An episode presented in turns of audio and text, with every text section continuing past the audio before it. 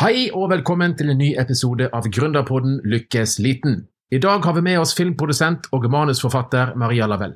Maria ble tidlig inspirert til å gå inn i filmbransjen. Full av pågangsmot reiste hun over dammen til USA for å studere journalistikk og film, og gjennom hardt arbeid og uredd framtoning har hun på kort tid produsert flere kritikerroste filmer og jobber nå med hele fire ulike prosjekt.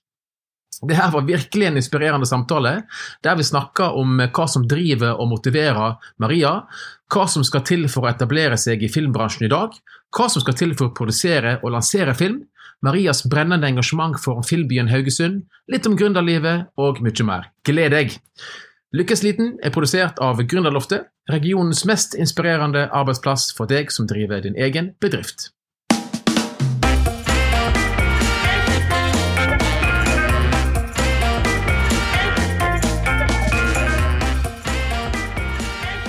Hallo og velkommen til eh, studio. skal du ha. Og du òg, Marius. Tusen takk. Faste sidekick her i Lykkesliten. Godt å være tilbake.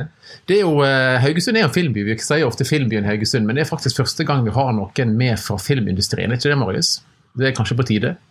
Jo, veldig. Jeg er veldig spent i dag. Jeg har truffet Maria ved flere anledninger på Gründerloftet. Eller vi har gått forbi hverandre, men vi har aldri fått prata skikkelig om hva jeg holder på med. Så jeg er litt spent på å høre det i dag. podcasten. Så vil jeg bare si sånn i forkant, da, så er dette her noe vi kan lite om. så bare beklage i forhånd. Men vi er veldig nysgjerrige, så derfor tror jeg vi skal ha en god samtale. Um, veldig bra. Og sånn, før vi begynner å starte um, samtalen med Maria, Marius, har du noen oppdateringer fra Gründerloftet denne uka her? Eller den måneden her? Denne måneden. Ikke så mye denne måneden. Det begynner å seile inn mot sommer, heldigvis. Det kjenner jeg skal bli godt med litt ferie nå. Men vi hadde litt sånn kjent Vi har gjort det tre år på rad nå. I forrige uke så hadde vi eh, Silicon Valley-studentene innom Gründerloftet. Det er litt over 50 studenter som kommer fra hele landet og har sommerjobber i ulike bedrifter på Haugalandet, som vi skal prøve å både vise de og vise det spennende næringsliv her, og så håper jeg selvfølgelig at vi får flinke, kvalifiserte folk til å ta jobber her etter endt utdannelse. Så de hadde vi innom Gründerloftet i tre dager for uka på en designsprint. Um, og igjen ble jeg ekstremt imponert over altså Når man har sånn runde rundt bordet og de introduserer seg og sier hva de studerer, så er det sånn jeg har master i, i, i ting jeg ikke visste eksisterte engang. Så jeg blir litt sånn jeg føler meg både gammel og kunnskapsløs når jeg snakker med de studentene. Men uh, da hadde vi iallfall de der i tre dager. og, og lærte de på en måte problemløsning og fokus på bruker og design thinking. Da. Og det er folk fra hele landet.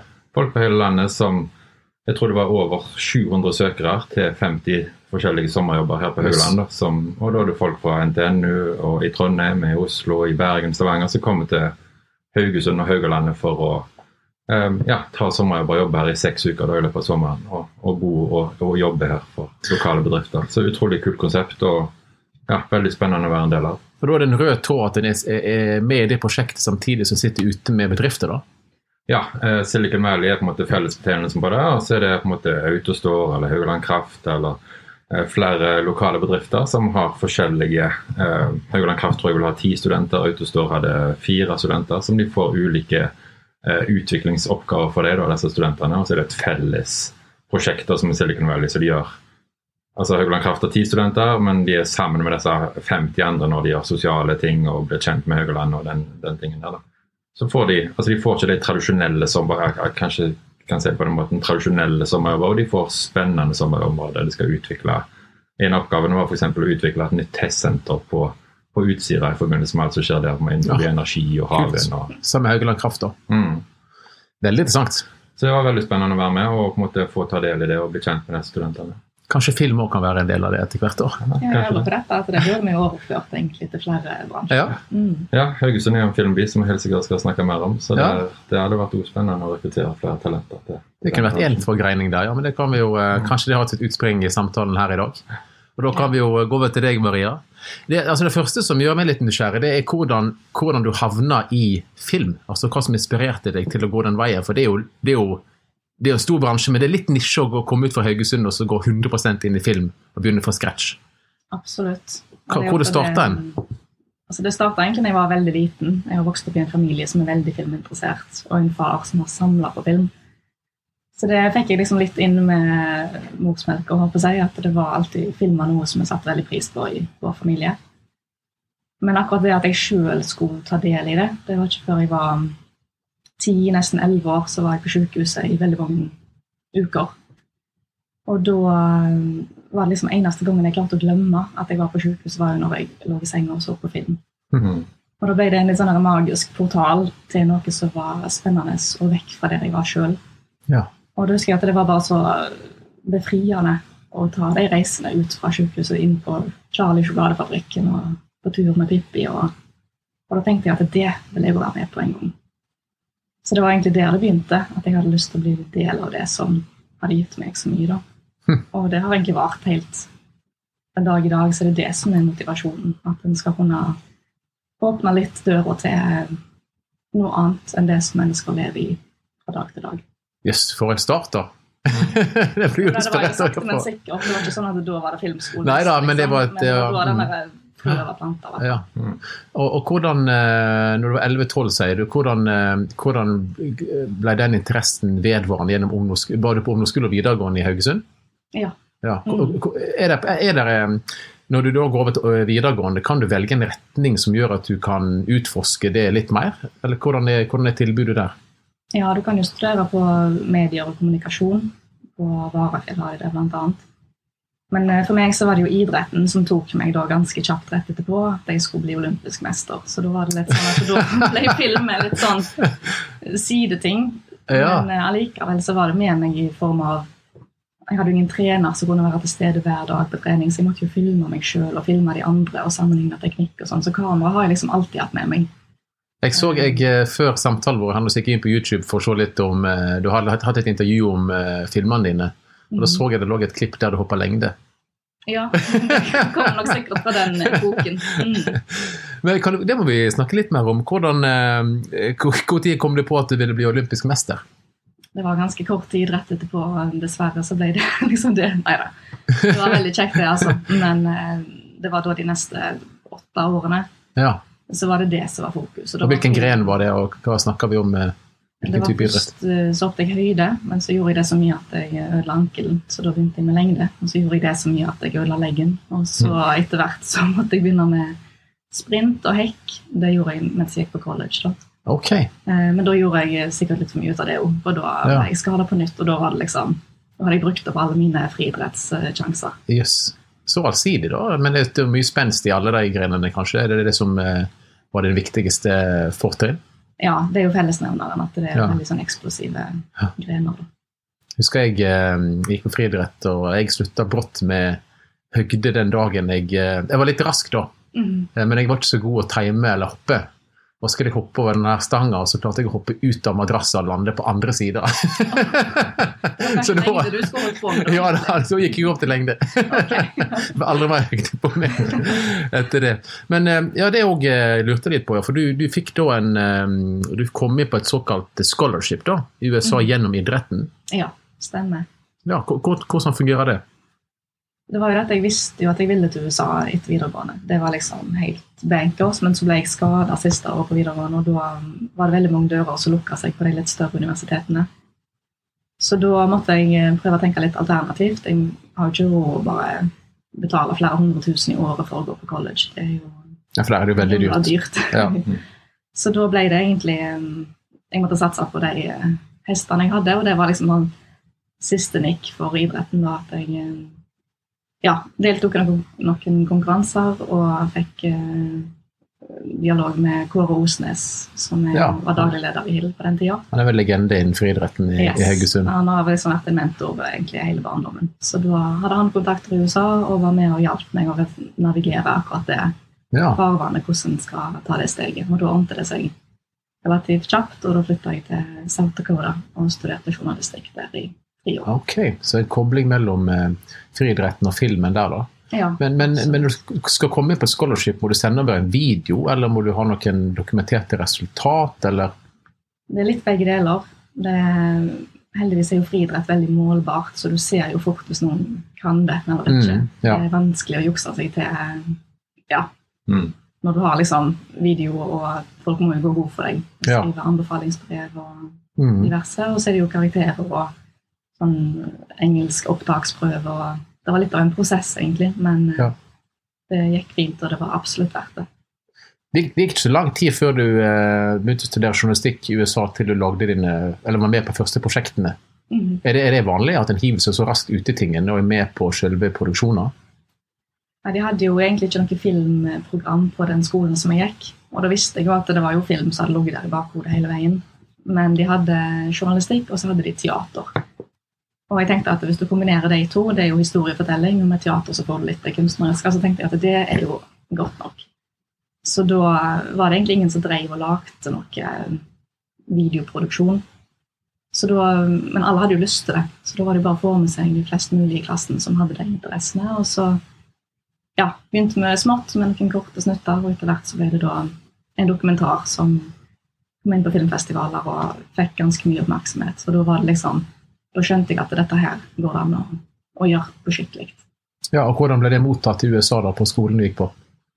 Det gikk egentlig over all forventning. Vi var jo på en måte sånne lite grupper som bare styrte på sjøl med kamera og alt sånt, men så hengte vi opp um, plakater på alle toalettene på hele universitetet at vi skulle ha premiere på dokumentaren vår. Og det var heller ingen som hadde gjort akkurat det før, men vi printa opp flere hundre sånne plakater og tenkte at ja, hvis vi får en jeg tror vi sa tolv stykk som møter opp Vi hadde prøvd å arrangere andre ting før, og det var liksom ingen interesse.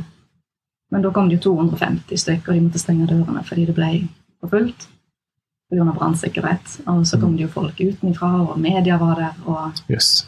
det tok egentlig helt av. Og den videoen har jo dokumentaren har blitt brukt i lokal sånn valgkamp der borte. og det har vært... Var det den om uteliggere, det?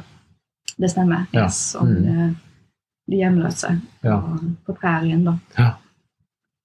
Så det var ja, egentlig først sånn smaken på det som ligner litt på en bransje. da, At jeg fikk reise på Mm. festivaler og, og snakke om denne filmen over hele USA, egentlig. Jøss. Det var en knallstart, da. Ja, det var veldig kjekt. Det Ja. var, og det at det faktisk utgjorde en forskjell for de hjemløse i nærmiljøet. Det var det som gjorde at jeg Mm. da oppdaga at film har faktisk litt makt. Ganske mye om hvis du bare plasserer det rett. på en måte. Hvordan var det som eh, nordmann da komme inn i et amerikansk miljø og eh, alt ifra å finne sin plass til å kunne finne eh, altså Dere måtte jo oppsøke miljøene da, til uteliggerne og sikkert å få snakke med dem. Hvordan, hvordan klarte du å tilpasse deg der borte? Var det, en, var det en kulturell overgang for deg, eller tok du det ganske greit? Nå er jo South Dakota en av de mest norskætta statene. Så alle har jo liksom en tippoldemor fra Norge. Eller, Ja. Om ikke akkurat det fra Norge, så er det ofte sånn her eh, Ja, men jeg har eh, tremenning sitt søskenbarn sin nabo var faktisk Mm. på Tyskland. Så tror jeg at du har noe til felles. Ja, ja. Så det å finne noe til felles med folk, det var veldig lett. Um, og så var det jo veldig sånn Ja, alle nordmennene som gikk der, vi kledde oss jo litt annerledes, og det var lett å se på en måte noen som kom fra et annet sted. Så det ble egentlig bare pluss at en kom lettere i kontakt med folk, fordi de var nysgjerrige. Og det å oppsøke miljøet, det var jo Jeg bare gjorde det med ei venninne en dag. Vi tok det er liksom en bro som skiller de to bydelene. ja. Så vi tok nå bussen over den broen og gikk på leit og snakka med folk. Og i ettertid har vi jo skjønt at det, det anbefales jo ikke å bare dra ut og gjøre det. Nei, det kan jeg tenke meg. Så hun som var hovedprofessoren da, da hun fikk se den dokumentaren, så var hun sånn Jo, dette var veldig fint og veldig imponerende, men gud, det var noe skummelt dere bare gikk ut sånn. ja, ja. Men det tenkte ikke vi på da, for vi hadde ingen eh, vondopplevelser eller noe. Men eh, hadde vi spurt om lov først, så tror jeg ikke vi hadde fått lov. Ble det godt eh, tatt imot blant uteliggerne òg? Altså var villige til å dele informasjon? Og... Ja, veldig. Det var nesten sånn at de var Endelig er det noen som spør oss. Hm. Og det var egentlig kanskje det jeg meg som var vakrest i hele den prosessen, var det at folk hadde veldig mye de hadde lyst til å bidra med og si, men det var ingen som hadde spurt. Hmm. Så det var det føltes veldig meningsfullt å gjøre det. Er det viktig for deg eh, i film? Å finne slik type mening gjennom det du produserer? Ja, og det er derfor for meg så handler det ikke så mye om kunst. Det handler om historier. Og det handler om de menneskene som skal se disse historiene og kunne bli inspirert. Og jeg vil lage filmer som gir folk noe, ikke filmer som tar noe fra folk. Mm. Og i visse kunstsammenhenger så føler jeg ofte at det, er, det blir så veldig dystert og eh, destruktivt. Altså du føler deg litt fattigere etter du har gått fra Kina. Det, det er all respekt for de som har den visjonen, men det er ikke min visjon. Nei. Men eh, du har, er, jo, er det en rød tråd med at du ofte er med i produksjoner der du har med folk som har det litt vanskelig på en eller annen måte? Så jeg har jo prøvd og det er jo sånn som vi gjør mye på filmskole, litt sånn kvinner, hva er det som er din røst, på en måte. Og det er veldig vanskelig å se det sjøl, hva som er den røde tråden. Men eh, nesten alle ting jeg lager, handler jo om outsidere. De Mm. som eh, av ulike grunner er de som ikke passer helt inn. Og det er enten det er fiksjonsfilm eller dokumentar, eller hva det måtte være, så er det, har jeg blitt gjort oppmerksom fra andre at det er noe som jeg tydeligvis ofte gjør. Ja, jeg, bare, jeg ser på den eh, Var det Over the Bridge heter, den eh, første der? Også den Holy, Holy Jail er også om en person som skal tilbringe litt tid i fengsel for at der er et godt liv istedenfor å være hjemme. Og så Ja. er det Nora Rabinowitz. Stemmer. Mm. Så det er jo folk som har store utfordringer, eller mer eller mindre grad utfordringer, da, men som seg kanskje Ja, som, som du velger å lage produksjon om. Ja. Det, Om det er bevisst eller ubevisst. altså det er jo sånn, det er jo veldig, Når du ser nøye på alt, så tenker man at ja, det er gjerne Alt henger jo sammen på et vis, men jeg har egentlig aldri gått inn for at det var akkurat det. Men det er de historiene som rører ved meg, Mm. og da er det de historiene jeg vil dele med andre. Hvis, hvis jeg går inn i en eh, Og her kjenner jeg at jeg kan veldig lite, men jeg har lyst til å lære litt. Mm -hmm. uh, hvis du skal samle dette her med en, eh, med en litt sånn gründerbedrift, som jeg og Marius kan litt om. Ja. Hvordan er det, altså Du skal jo lage et produkt, og så skal du selge dette her. Eh, er, det en, er det noe du jobber mye med å få det ut til publikum? Altså Den fasen med at du skal få eh, du skal kanskje inn på festivaler først, og så skal du kanskje komme deg på en flate der folk, flere folk kan kikke på det. Altså Hvordan virker hele den eh, delen av bransjen for en liten mm. produsent? Ja, det er jo det jeg gjør mest av, faktisk. Det er, um, ofte så føler jeg meg mer som en gründer enn en kunstner, for å si det sånn. For det jo, alle prosjektene må jo finansieres.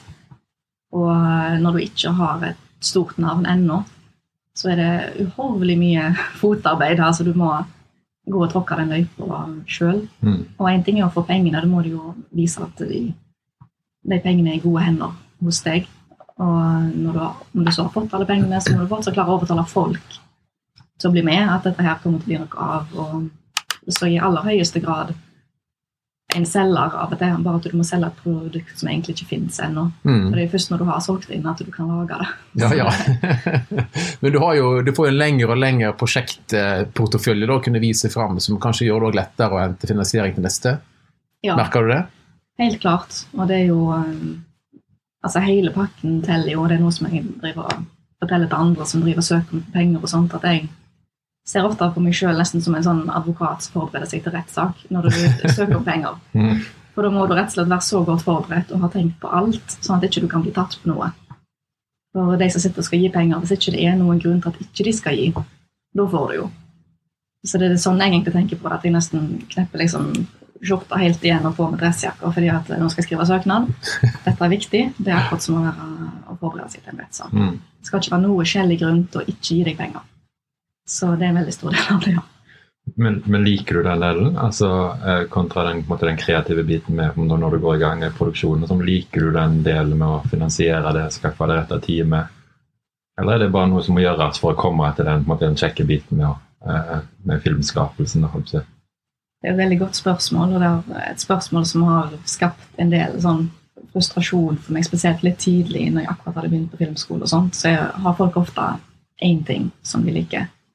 Men jeg syns jo det er like kjekt å være produsent og få folk med og liksom bygge opp noe, da. Mm. Som det å sitte der helt alene og skrive et manus. Mm.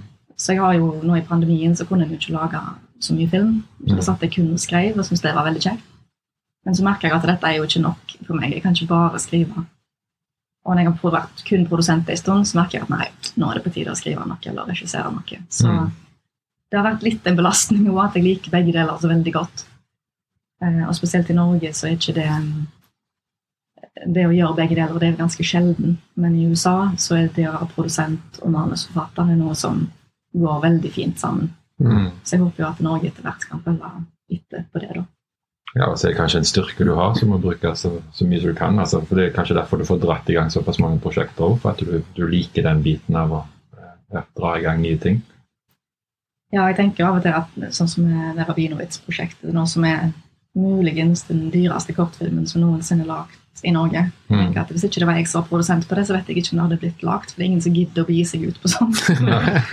Men jeg syns sånt er kjempekjekt, og Ja. tror jeg at det kommer til å å gå. Ja, Nei, men Det høres litt kjent ut i gründerverdenen. Man må være litt naiv og ikke vite helt hva som kommer etter. for å...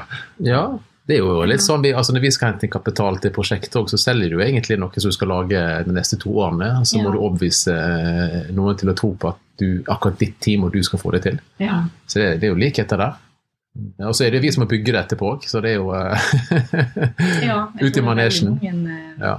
Og det å få den tilliten til å faktisk dra det i land, Ja. det er nok mange fellestrekk der. Jeg kaller meg selv av og til sånn eh, CPO, Chief Potato Officer, men det er liksom basert på det norske uttrykket at du er potet og må gjøre alt mulig. Så, men, det, det, men jeg er enig med deg. Jeg syns jo at eh, alt er litt kjekt, og alt er litt komplisert. Men jeg syns alle delene er og Det er kanskje det som er kjekt med å være litt gründer òg, at du får jobbe med så mange ting.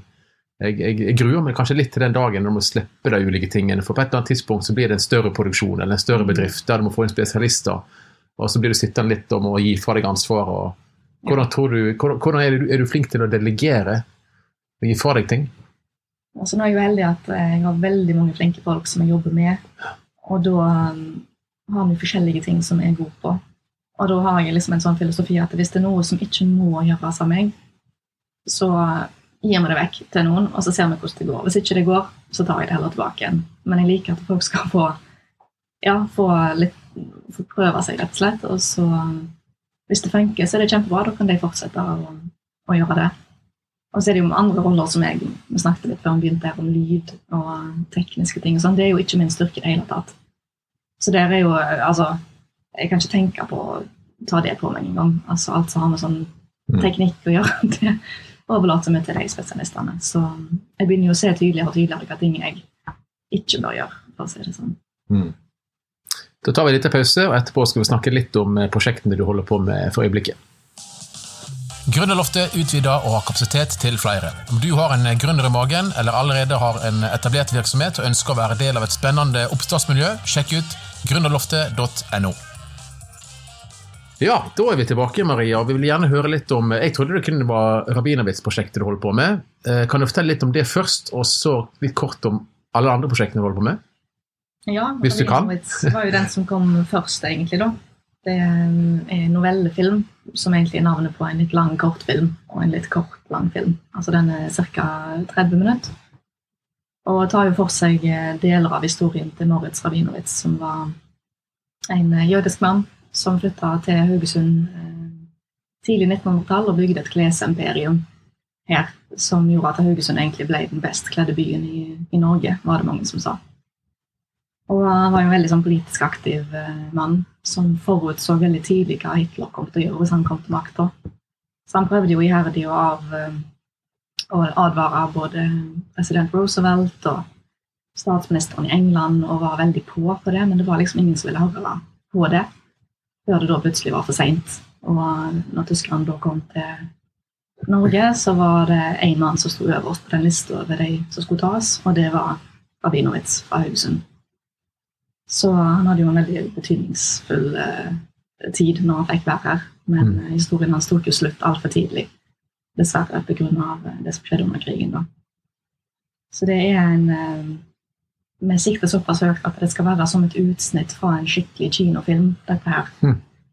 Så selv om den da er kortere, men det er rett og slett for det er eh, veldig komplisert å finansiere en langfilm når du er ganske ny i bransjen. Så da bruker vi dette som en sånn å vise hva vi kan type film. da. Som vi håper etter hvert skal bli brukt både i festivalsammenheng og gjennom visninger gjennom de nasjonale TV-kanalene rundt omkring i Europa. Og selvfølgelig gjennom eh, utdanningssammenheng her eh, i Norge. da. Mm. Jeg tror at alle har godt av å høre den historien. Absolutt. Er det perioden opp mot krigen og fram til han ble eh, deportert eh, dere tar for dere, eller er det he hele livet hans? eller hvordan... eh, Nei, det er uken før den tyske invasjonen, og så er det dagene før han ble tatt. Så det er to forskjellige tidslinjer, da. Men det er rett og slett ja, rundt 1940. Rundt, uh, ja, rett før invasjonen. Og eh, nå er dere midt i planlegginga, og så forsto det slik at eh, selve produksjonen skulle skje neste vår, var det så?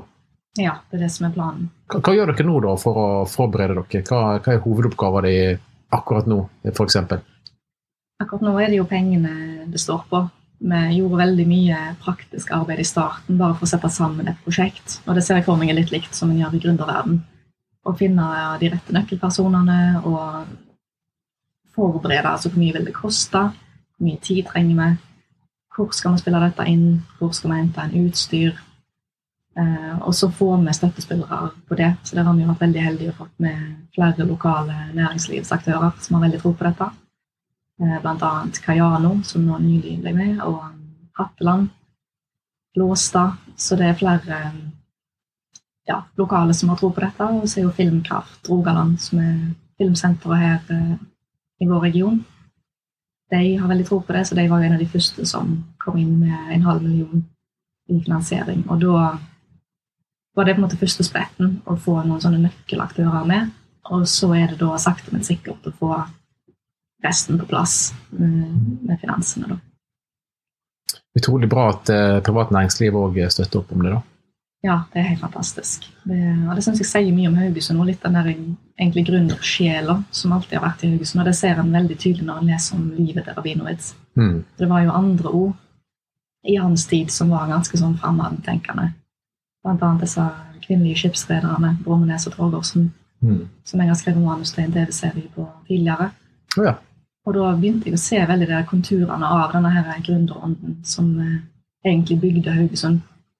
Og det er veldig gøy å se at den fortsatt lever i beste velgående. Både med de som allerede har etablert seg, og de som er på vei opp. Så Mm. det er noe helt eget med Haugesund, og det er det jeg håper at resten av verden nå skal forstå. Mm. Utrolig bra. Og det, det skal spilles inn på engelsk, da? Så det skal bli en internasjonal film, eller er det på norsk? Det var veldig mye fram og tilbake, men vi endte til slutt med norsk. Ja. Og det, nå har jo dørene åpna seg veldig for internasjonal film. Altså prisvinnende filmer nå som spilles inn på koreansk, og ja. Mm. nå har liksom litt den der Amerikadominansen forsvunnet. Er det kanskje litt med den streamingen òg ført litt til? Jeg føler at det er veldig mange som òg ser på eh, andre serier enn en engelsk. På Netflix, Mm. eksempel.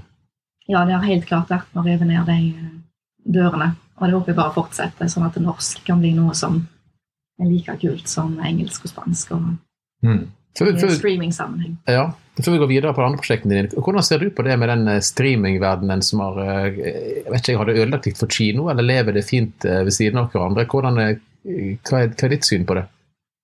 Jeg tror at kino, det som det en gang var, at det var en del av livsstilen til folk, og at de hver helg gikk de og så på film, jeg tror nok det er sikkert vekke for godt, at det ikke er så allment som det var.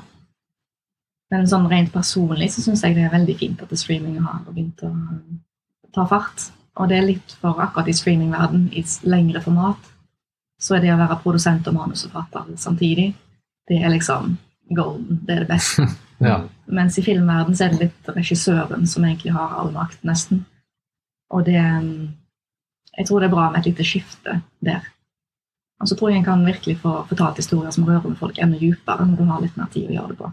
Ja. At du har fire episoder eller åtte eller flere sesonger, eller Mm. Du er ikke så begrensa. Så jeg heier på det. Ok, Interessant. Og Hvordan ser du for deg Rabinowitz? Skal den ut på streaming, tror du? Eller er en, eh, hvordan ser du for deg distribusjonen av den? Først så blir det jo eh, filmfestivaler, og så eh, tenker vi å ta en runde med Den kulturelle skolesekken. Hvis det kan altså gjøre etterpå, at eh, barne- og ungdomsskoler skal få med seg. Ja. Og så eh, vet vi jo at flere internasjonale kanaler eh, kjøper inn akkurat den type film til å vise Mm. på typ sånn SVT og DR og Ja. eh, rundt omkring. Så Mm. der føler vi absolutt at det er et hjem for den filmen. Og på sikt, etter det igjen, så er det, hadde vært fint hvis han fant seg et permanent hjem på Ja. En streamingplattform. Ja, for hvor, hvor- de, de tidligere produksjonene som du har vært med på, hvor, hvor kan en finne dem? Er det mulig for, for oss som sitter her og de som hører på, å kunne oppsøke det og se det en plass? De har jo vært egentlig med på festivalrunder i mange år etter de ble lagt. Så det er først nå at det liksom har kommet litt til Ja. en avslutning. Så de ligger ikke ute noen plass. Så det er en lang prosess. Ja, det er litt det at eh, det var noen festivaler som du kan komme inn på, på premierestatus. Og så har dere mindre festivaler. Så det går liksom ut som en sånn stor sirkel. Til slutt så er det veldig sånne små, irrelevante festivaler, men som kanskje betaler litt for Mm. å ha de der. Så når ikke det er noe spredt igjen i den ballen, da, må en finne på noe nytt. Og de har egentlig holdt det gående veldig lenge. Allerede. de. Ja, Så bra, da. Så det har vært veldig fint. Og det er mange som har fått sett det. Hvor, hvor er alternativet å slippe det etterpå, da? Så nå har jo både Amazon og Netflix og forskjellige har jo begynt å kjøpe inn kortfilm, og det er jo ganske nytt. Mm, mm. Så det er jo et alternativ som fortsatt ligger der. Og ellers er det jo å legge det ut bare sånn på sin egen Vimeo-kanal, eller Ja. Det er det noen, noen som gjør. Så det, det er Ja. mange muligheter på det òg. Og så når aha, husker når a-ha-filmen kom, med dokumentaren, så kunne du kjøpe tilgang til den på YouTube, tror jeg òg var et alternativ. Ja, det regnes jo for en streamingplattform, Ja. YouTube nå, sånn som det har blitt. Ja. Mm. Spennende. Mange eh, ulike alternativ der. Um, kan du fortelle litt kort om de andre prosjektene du holder på med? Ja, det var jo sånn at dette Arbinovitz-prosjektet plutselig ble mye større enn det vi hadde tenkt. At det kom til å ta litt tid. Og da fant vi ut at da kan vi lage et lite prosjekt før det, som en litt sånn oppvarming med samme teamet. Så viser vi at ja, men se hvor flinke vi var, vi fikk dette til. Mm. Eh, Så det er et prosjekt eh, som er basert på en guttestrek som Per Inge Torkelsen fra Stavanger gjorde på 60-tallet. Der han, eh, han og noen kompiser graver ned noen kinesiske mynter i et arkeologisk utgravingsfelt. Og det som da skjedde, var at arkeologene fant jo dette her og trodde at nå kunne de bevise at Norge hadde hatt kontakt med Kina flere hundre år før det som egentlig var um, tidligere antatt. Og dette her nådde jo eh, internasjonale medier og Stavanger. Dette var jo før olja. Så da havna jo Stavanger midt på det arkeologiske verdenskartet. Og journalister og folk kom fykende inn til Stavanger for å dokumentere dette sensasjonelle funnet. Okay. Men så er det jo litt hvor langt Dette var jo 15 år gamle gutter. Altså Det må jo ha hatt en personlig pris òg, at ting ble dratt så langt. Så vi har skapt en historie litt rundt akkurat den guttestreken. da. Mm. Så da blir det en eh, Rogalandsproduksjon som vi håper å filme nå til høsten. Men eh, det som skjedde var at den filmen òg ble veldig mye større enn vi hadde tenkt. Med et mye høyere budsjett enn vi hadde sett for oss, og vi ville gjøre det skikkelig. og det er jo Vi tenkte at ja, 60-tallet er sikkert lettere enn 40-tallet, men eh, det er like dyrt. Så, Mm. så det er litt eh, forberedelse på den. Og så er det en humorserie som jeg holder på med, som eh, heter Jæren, med E-apostrof, som da skal spilles inn på Jæren. Så handler det om en rådmann som mildt sagt er ganske ukvalifisert for jobben sin. Og når det da blir snakk om kommunesammenslåing, så eh, oppstår det jo panikk inni denne kommunen. da, Og nå kastes de ut i en sånn voldsom kamp for å bevare livet sånn som det alltid har vært. Så der skal vi filme piloten, da første episoden, nå i august, faktisk. Så den er, der er ting i full gang. Um, så da håper vi at det kan bli til en lengre serie. At vi kan få med en eh, streaming eller en kanal som da kan finansiere resten av episodene. Mm. Så, eh, og så har jeg en spillefilm som faktisk er basert på den kortfilmen som du nevnte tidligere, Holy Jail, om en eldre mann som du oppdager at han alltid egentlig har lengta etter å være i fengsel. At det livet der, det var løsningen på alle problemene hans. Så um, det håper jeg da kan bli en kinofilm. Er det, er det vanlig vei å gå at en lager en kortfilm først, eh, og så hvis det får en god respons, så kan du lage en eh, fullskalafilm basert på samme prosjektet? Ja, Det hender at det gjør veien litt kortere. Da Mm. er det lettere å overbevise folk om at det kan funke. For da har de allerede sett noe fysisk som eh, er blitt lagd. Ja. Så det, um, der har jo Filmkraft har vært med å støtte manusskriving ja. av den. da.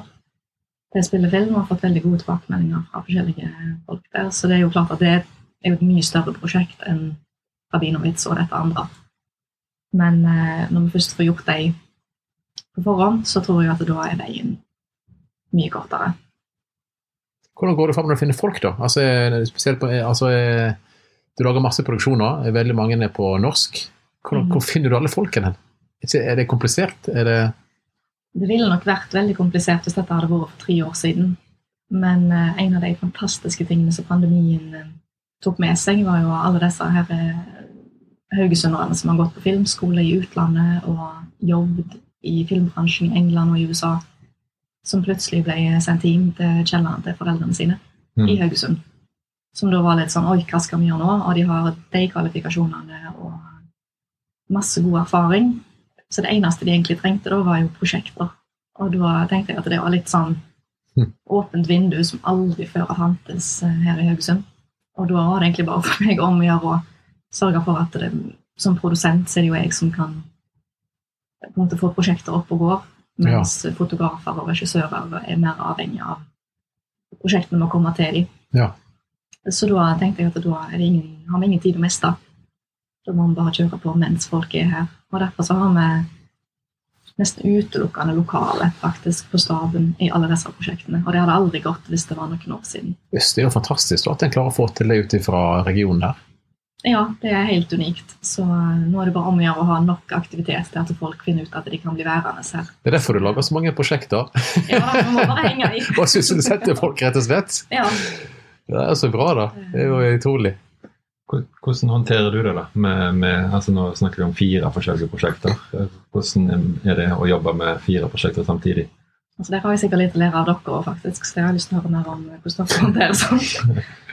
Men eh, ja, jeg syns det var egentlig var utfordrende i starten å dele opp dagen på den måten. Når du er i det kreative, Mm. er det liksom det å komme virkelig inn i noe. Du kan sitte i flere dager og holde på med én ting.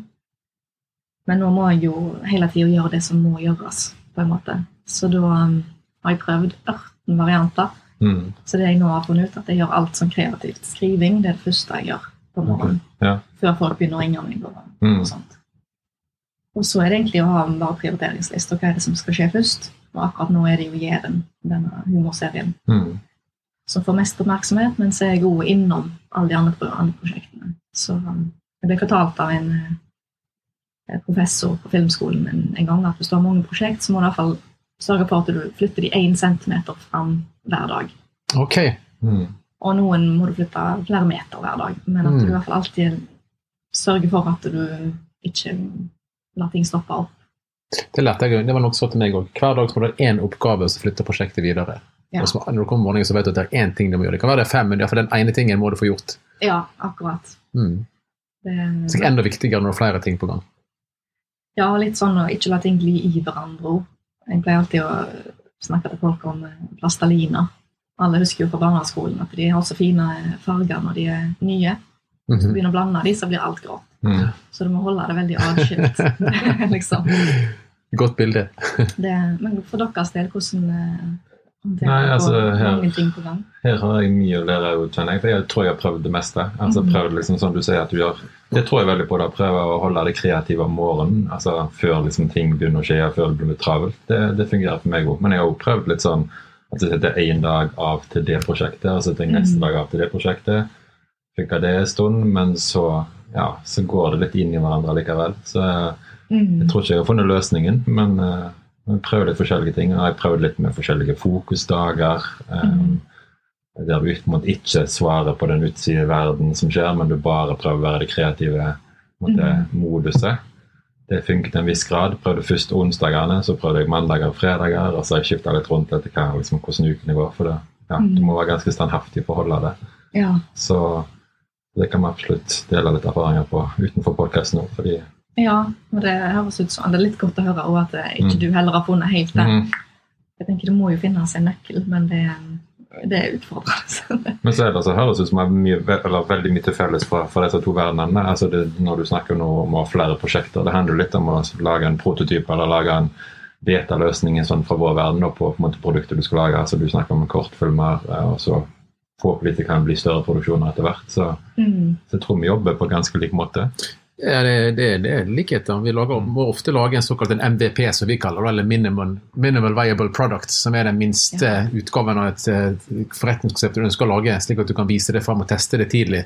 Ja. Det er ikke vits å lage et svært, eh, en svær løsning før du tester det ut med kundene. Akkurat. Eh, For da kan det være at du har laga noe som kundene ikke vil ha. Så du bør teste det tidlig. Så det er jo, det er jo litt eh, sammenlignbart. Det vil jeg si. Mm. Så blir jeg veldig inspirert av å høre deg nå. altså Fire forskjellige prosjekter. Men sånn nå basert på bakgrunnen din hvor, altså, hvor, Hvis du ser litt tilbake, hvor kom største inspirasjonen fra? altså Hvordan fargela deg at du var i USA og studerte?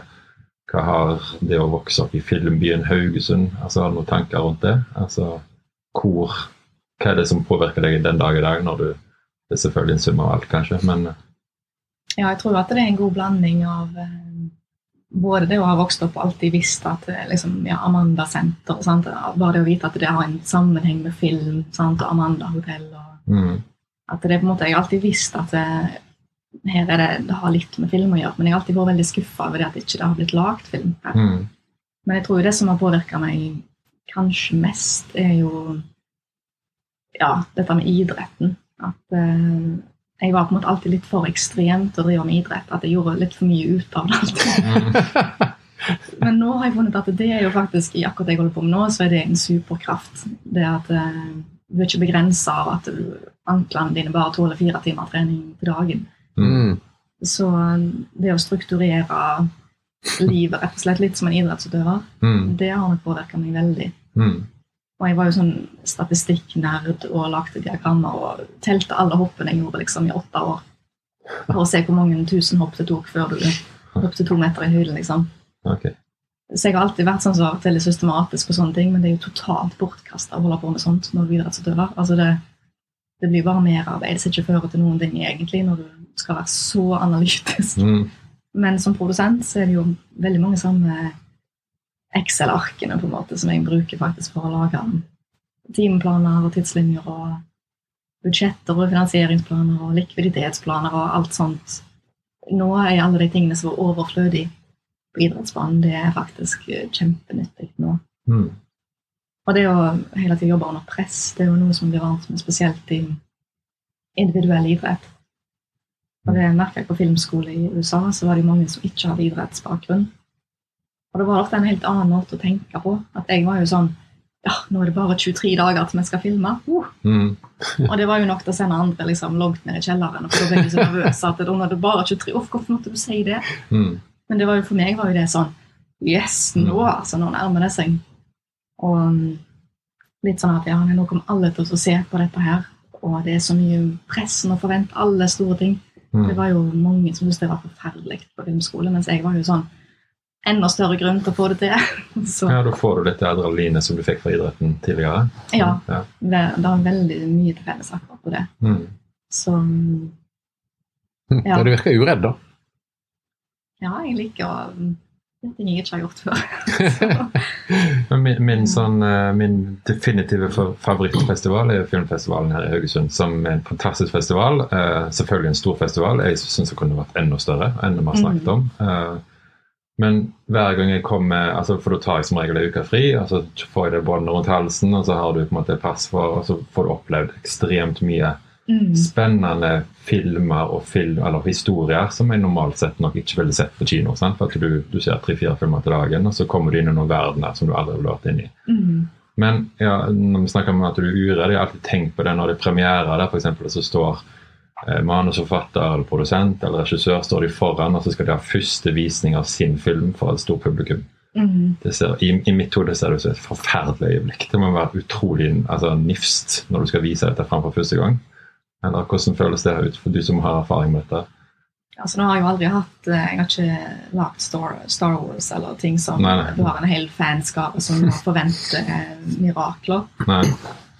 Men det er jo ofte det som en ikke ser fra utsida, er jo at filmen har vært gjennom så veldig mange milepæler før du har kommet til det at du skal vise den til offentligheten. Mm. Og da er det jo alt fra Først har du et manus som må bli godkjent av veldig mange folk som Ja, dette er bra. Dette, dette er ikke så verst. Og så har du de første klippene skal godkjennes. Og så den første sammenklipte filmen skal godkjennes, og så skal lyden godkjennes, og musikken, fargene, og så skal du ha rulleteksten skal godkjennes, og alt skal gjennom så mange nåløyer Mm. at når du endelig kommer til premieren, så er det litt sånn Ok, nå har vi testa båten, vi vet at den i hvert fall ikke synker. Mm. Men, og så har vi gjerne testvisninger òg, Ok, med ja. tilfeldige som har blitt valgt inn på seeren, som ikke har noe forhold til deg sjøl. Du kan ikke stole på alltid at bestemødrene dine er de best, mest ærlige når det gjelder Ja, men det var så bra. Mm. Så da er det veldig mange steg. Men med en komedie, eksempel, der er det jo det er jo helt avgjørende. Altså, hvis folk ler, så funker det. Hvis ikke de ler, så har du bomma. Så Ja. det er jo en mye sånn det er høyere puls tror jeg involvert når du skal vise en komedie. Mm. Men når du kommer, altså det du sier egentlig når du kommer til det steget at liksom du viser den til flere, så er, er du egentlig ganske selvsikker, for da har du vært gjennom så mange faser og testfaser at du er ganske sikker på at dette produktet er bra. Så nå, nå, nå, er liksom, nå blir det fint å vise det, endelig viser det fram. Ja, det blir litt sånn. Men, Mm. altså, du vet at det funker, men eh, du vet jo ikke om Ok, vi vet at flyet krasjer ikke, men kommer det til å fly fint? Det Mm. er jo alltid litt sånn usikkerhetsmoment. Ja, det må være en utrolig spennende fase. Hvordan, eh, Hvis noen har lyst til å gå eh, i din karrierevei og bli filmprodusent, manusforfatter, hvor begynner en? Det kommer an på kanskje hvor gammel du har gjort før, men jeg sier du ikke har noen erfaring. og Hvor skal en starte? Altså, det er jo eh, mange måter en kan gjøre det på. Og sånn som det har vært i hvert fall sånn tradisjonelt her i Haugesund, så er jo de som har drevet litt med film, er jo de som har vært kanskje veldig teknisk anlagt og drevet holdt på med kamera og redigering og after effects hjemme på gutterommet.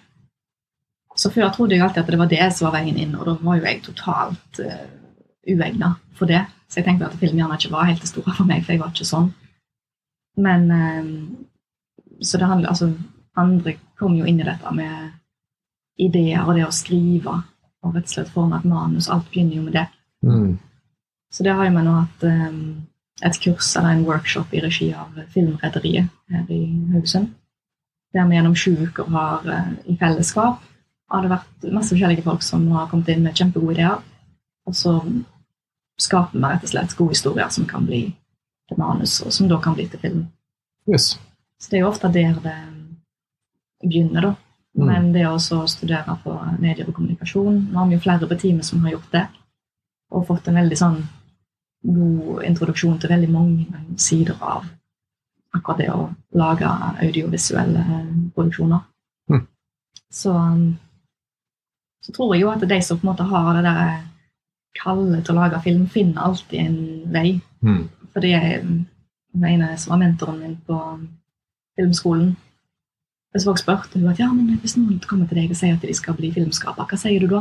Da sa hun alltid 'bli tannlege'. Mm. Det er i hvert fall en mye beinere vei, det er lettere å få inntekt. Ja. Så hun anbefalte ikke det til noen, Nei. at de skulle begynne med film. Men hvis du virkelig var nødt til det, Ja, ja. hvis ikke du hadde noe valg, at det, hele sjela di og alt som du er og vil, Mm. da blir du filmskaper uansett. Da er det ingenting som kan stoppe deg. Men hvis ikke du har det, så er det kanskje best å finne noe annet. For da det er verken økonomisk gunstig eller lett å kombinere med noe annet de første årene. Kan vel sammenligne det òg med gründerverdenen, kanskje? Ja? Ja, det er jo litt sånn felles. Det høres spennende ut og høres tøft ut. og Det var en stund nå det var gründer ditt og gründer datt i Norge, men eh, stort sett jobber dobbelt så hardt og tjener halvparten så lite, vil du si, som Ja. du ville gjort i en normal jobb. hvis kan kan si det, en fast system. Ja. Mm. Men er det sånn hvis dere, noen kommer til dere og spør ville dere eh, fraråde de fra å trene det, eller er det Nei, jeg gjør jo egentlig det motsatte. Ja. Prøver å oppfordre flere folk. For det er liksom det er et eller annet, og det er jo fellesord, det, er- men det å være gründer eller filmskaper eller musiker eller det å jobbe med lidenskapen sin Jeg tror jo Mm. at Norge som samfunn hadde hatt veldig mye igjen av det. At enda flere jobber med lidenskapen sin. Absolutt. Eh, Les litt sånn apropos statistikker, sånn som du nevnte også. Det, det er en del statistikker om hvor mye folk som er umotiverte i jobben sin. Eh, mm. og det har en enorm kostnad for Norge som samfunn. Så bare litt altså, Hvis du ikke liker jobben din eller ikke brenner for det du holder på med, så slutt å begynne med det du har lidenskap for. Om det er film eller om det er gründerverden eller andre ting, så, så tror jeg det er enormt viktig.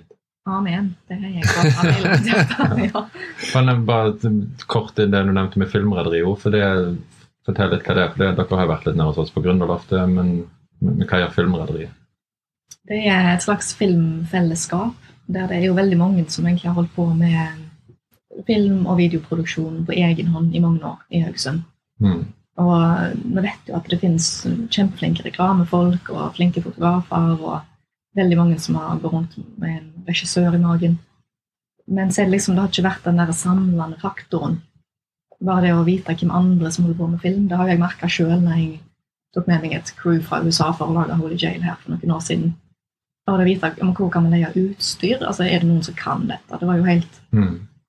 og da var det jo kort tid etterpå så ble Filmrederiet starta. Og da gikk jo det aktivt inn for å finne alle som satt på kompetanse. Mm. Og da så vi at det var ganske mange eh, som faktisk eh, ja, hadde holdt på med dette her i mange år og hadde lyst til å få til noe sammen. Men film er jo en lagsport, du kan ikke bare gjøre det alene. Mm. Så er det jo eh, ja, rett og slett å få en For min del så er det i hvert fall det Filmrederiet er en sånn samlende kraft som gjør at vi etter hvert kan bygge en bransje her. Og da har vi jo Filmkraft, som egentlig står for alt dette her med kompetanseheving og støtteprosjekter og alt. Så da er det egentlig Filmrederiet tenker jeg skal være en sånn fin kompanjong til det. Ikke gjøre noe Vi skal ikke gjøre noe overlapp, Mm. men litt den der ukentlige som vi har hatt nå i sju uker med i fellesskap deler det vi har skrevet. Det er noe som lar seg gjøre fordi vi er her i Haugesund. Um, mens de større tingene, det er det Filmkraft som uh, tar seg av. Mm. Så jeg har veldig tro på alle prosjektene som kom ut av den workshopen, faktisk. Mm. Så det ble sju av sju. Så Mm. i teorien så har vi sju filmer som kan lages her i, i Haugesund, Utrolig. basert på det. Er det noe som kommer til å være et gjentagende kurs, tror du? Ja, vi skal ta en ny runde allerede nå til høsten, i midten på oktober, fram til jul, da. Ok, Så hvis det er noen eh, som hører på her som har lyst til å begynne å skrive manus, hvor, eh, hvor går det da? Da eh, søker en opp Filmrederiet på Facebook eller filmrederiet.no, så står det nok litt info der. Helt til slutt, da. Hva, hvor er du om, eh, om ti år? Hvor er Maria Level da? Ja, det er et godt spørsmål. Hvor vil du være? Altså, min visjon er jo å klare å bygge opp en bransje her i Haugesund som er så bærekraftig og solid at eh, vi ikke trenger å dra til Hollywood, men at Hollywood kan komme til oss. Det var, eh, det var en fantastisk visjon, Marius. Mhm. Ja, men den støtter jeg. Så det å bygge opp noe som gjør at vi kan dra i land store Netflix-produksjoner, og at kompetansen her er blitt så høy, og at infrastrukturen rett og slett tåler så store mm, produksjoner, og at da denne TV-serien om Brumundnes og Torgersen faktisk kan spilles inn i Haugesund, der han hører hjemme. Nydelig. Veldig inspirerende å snakke med deg.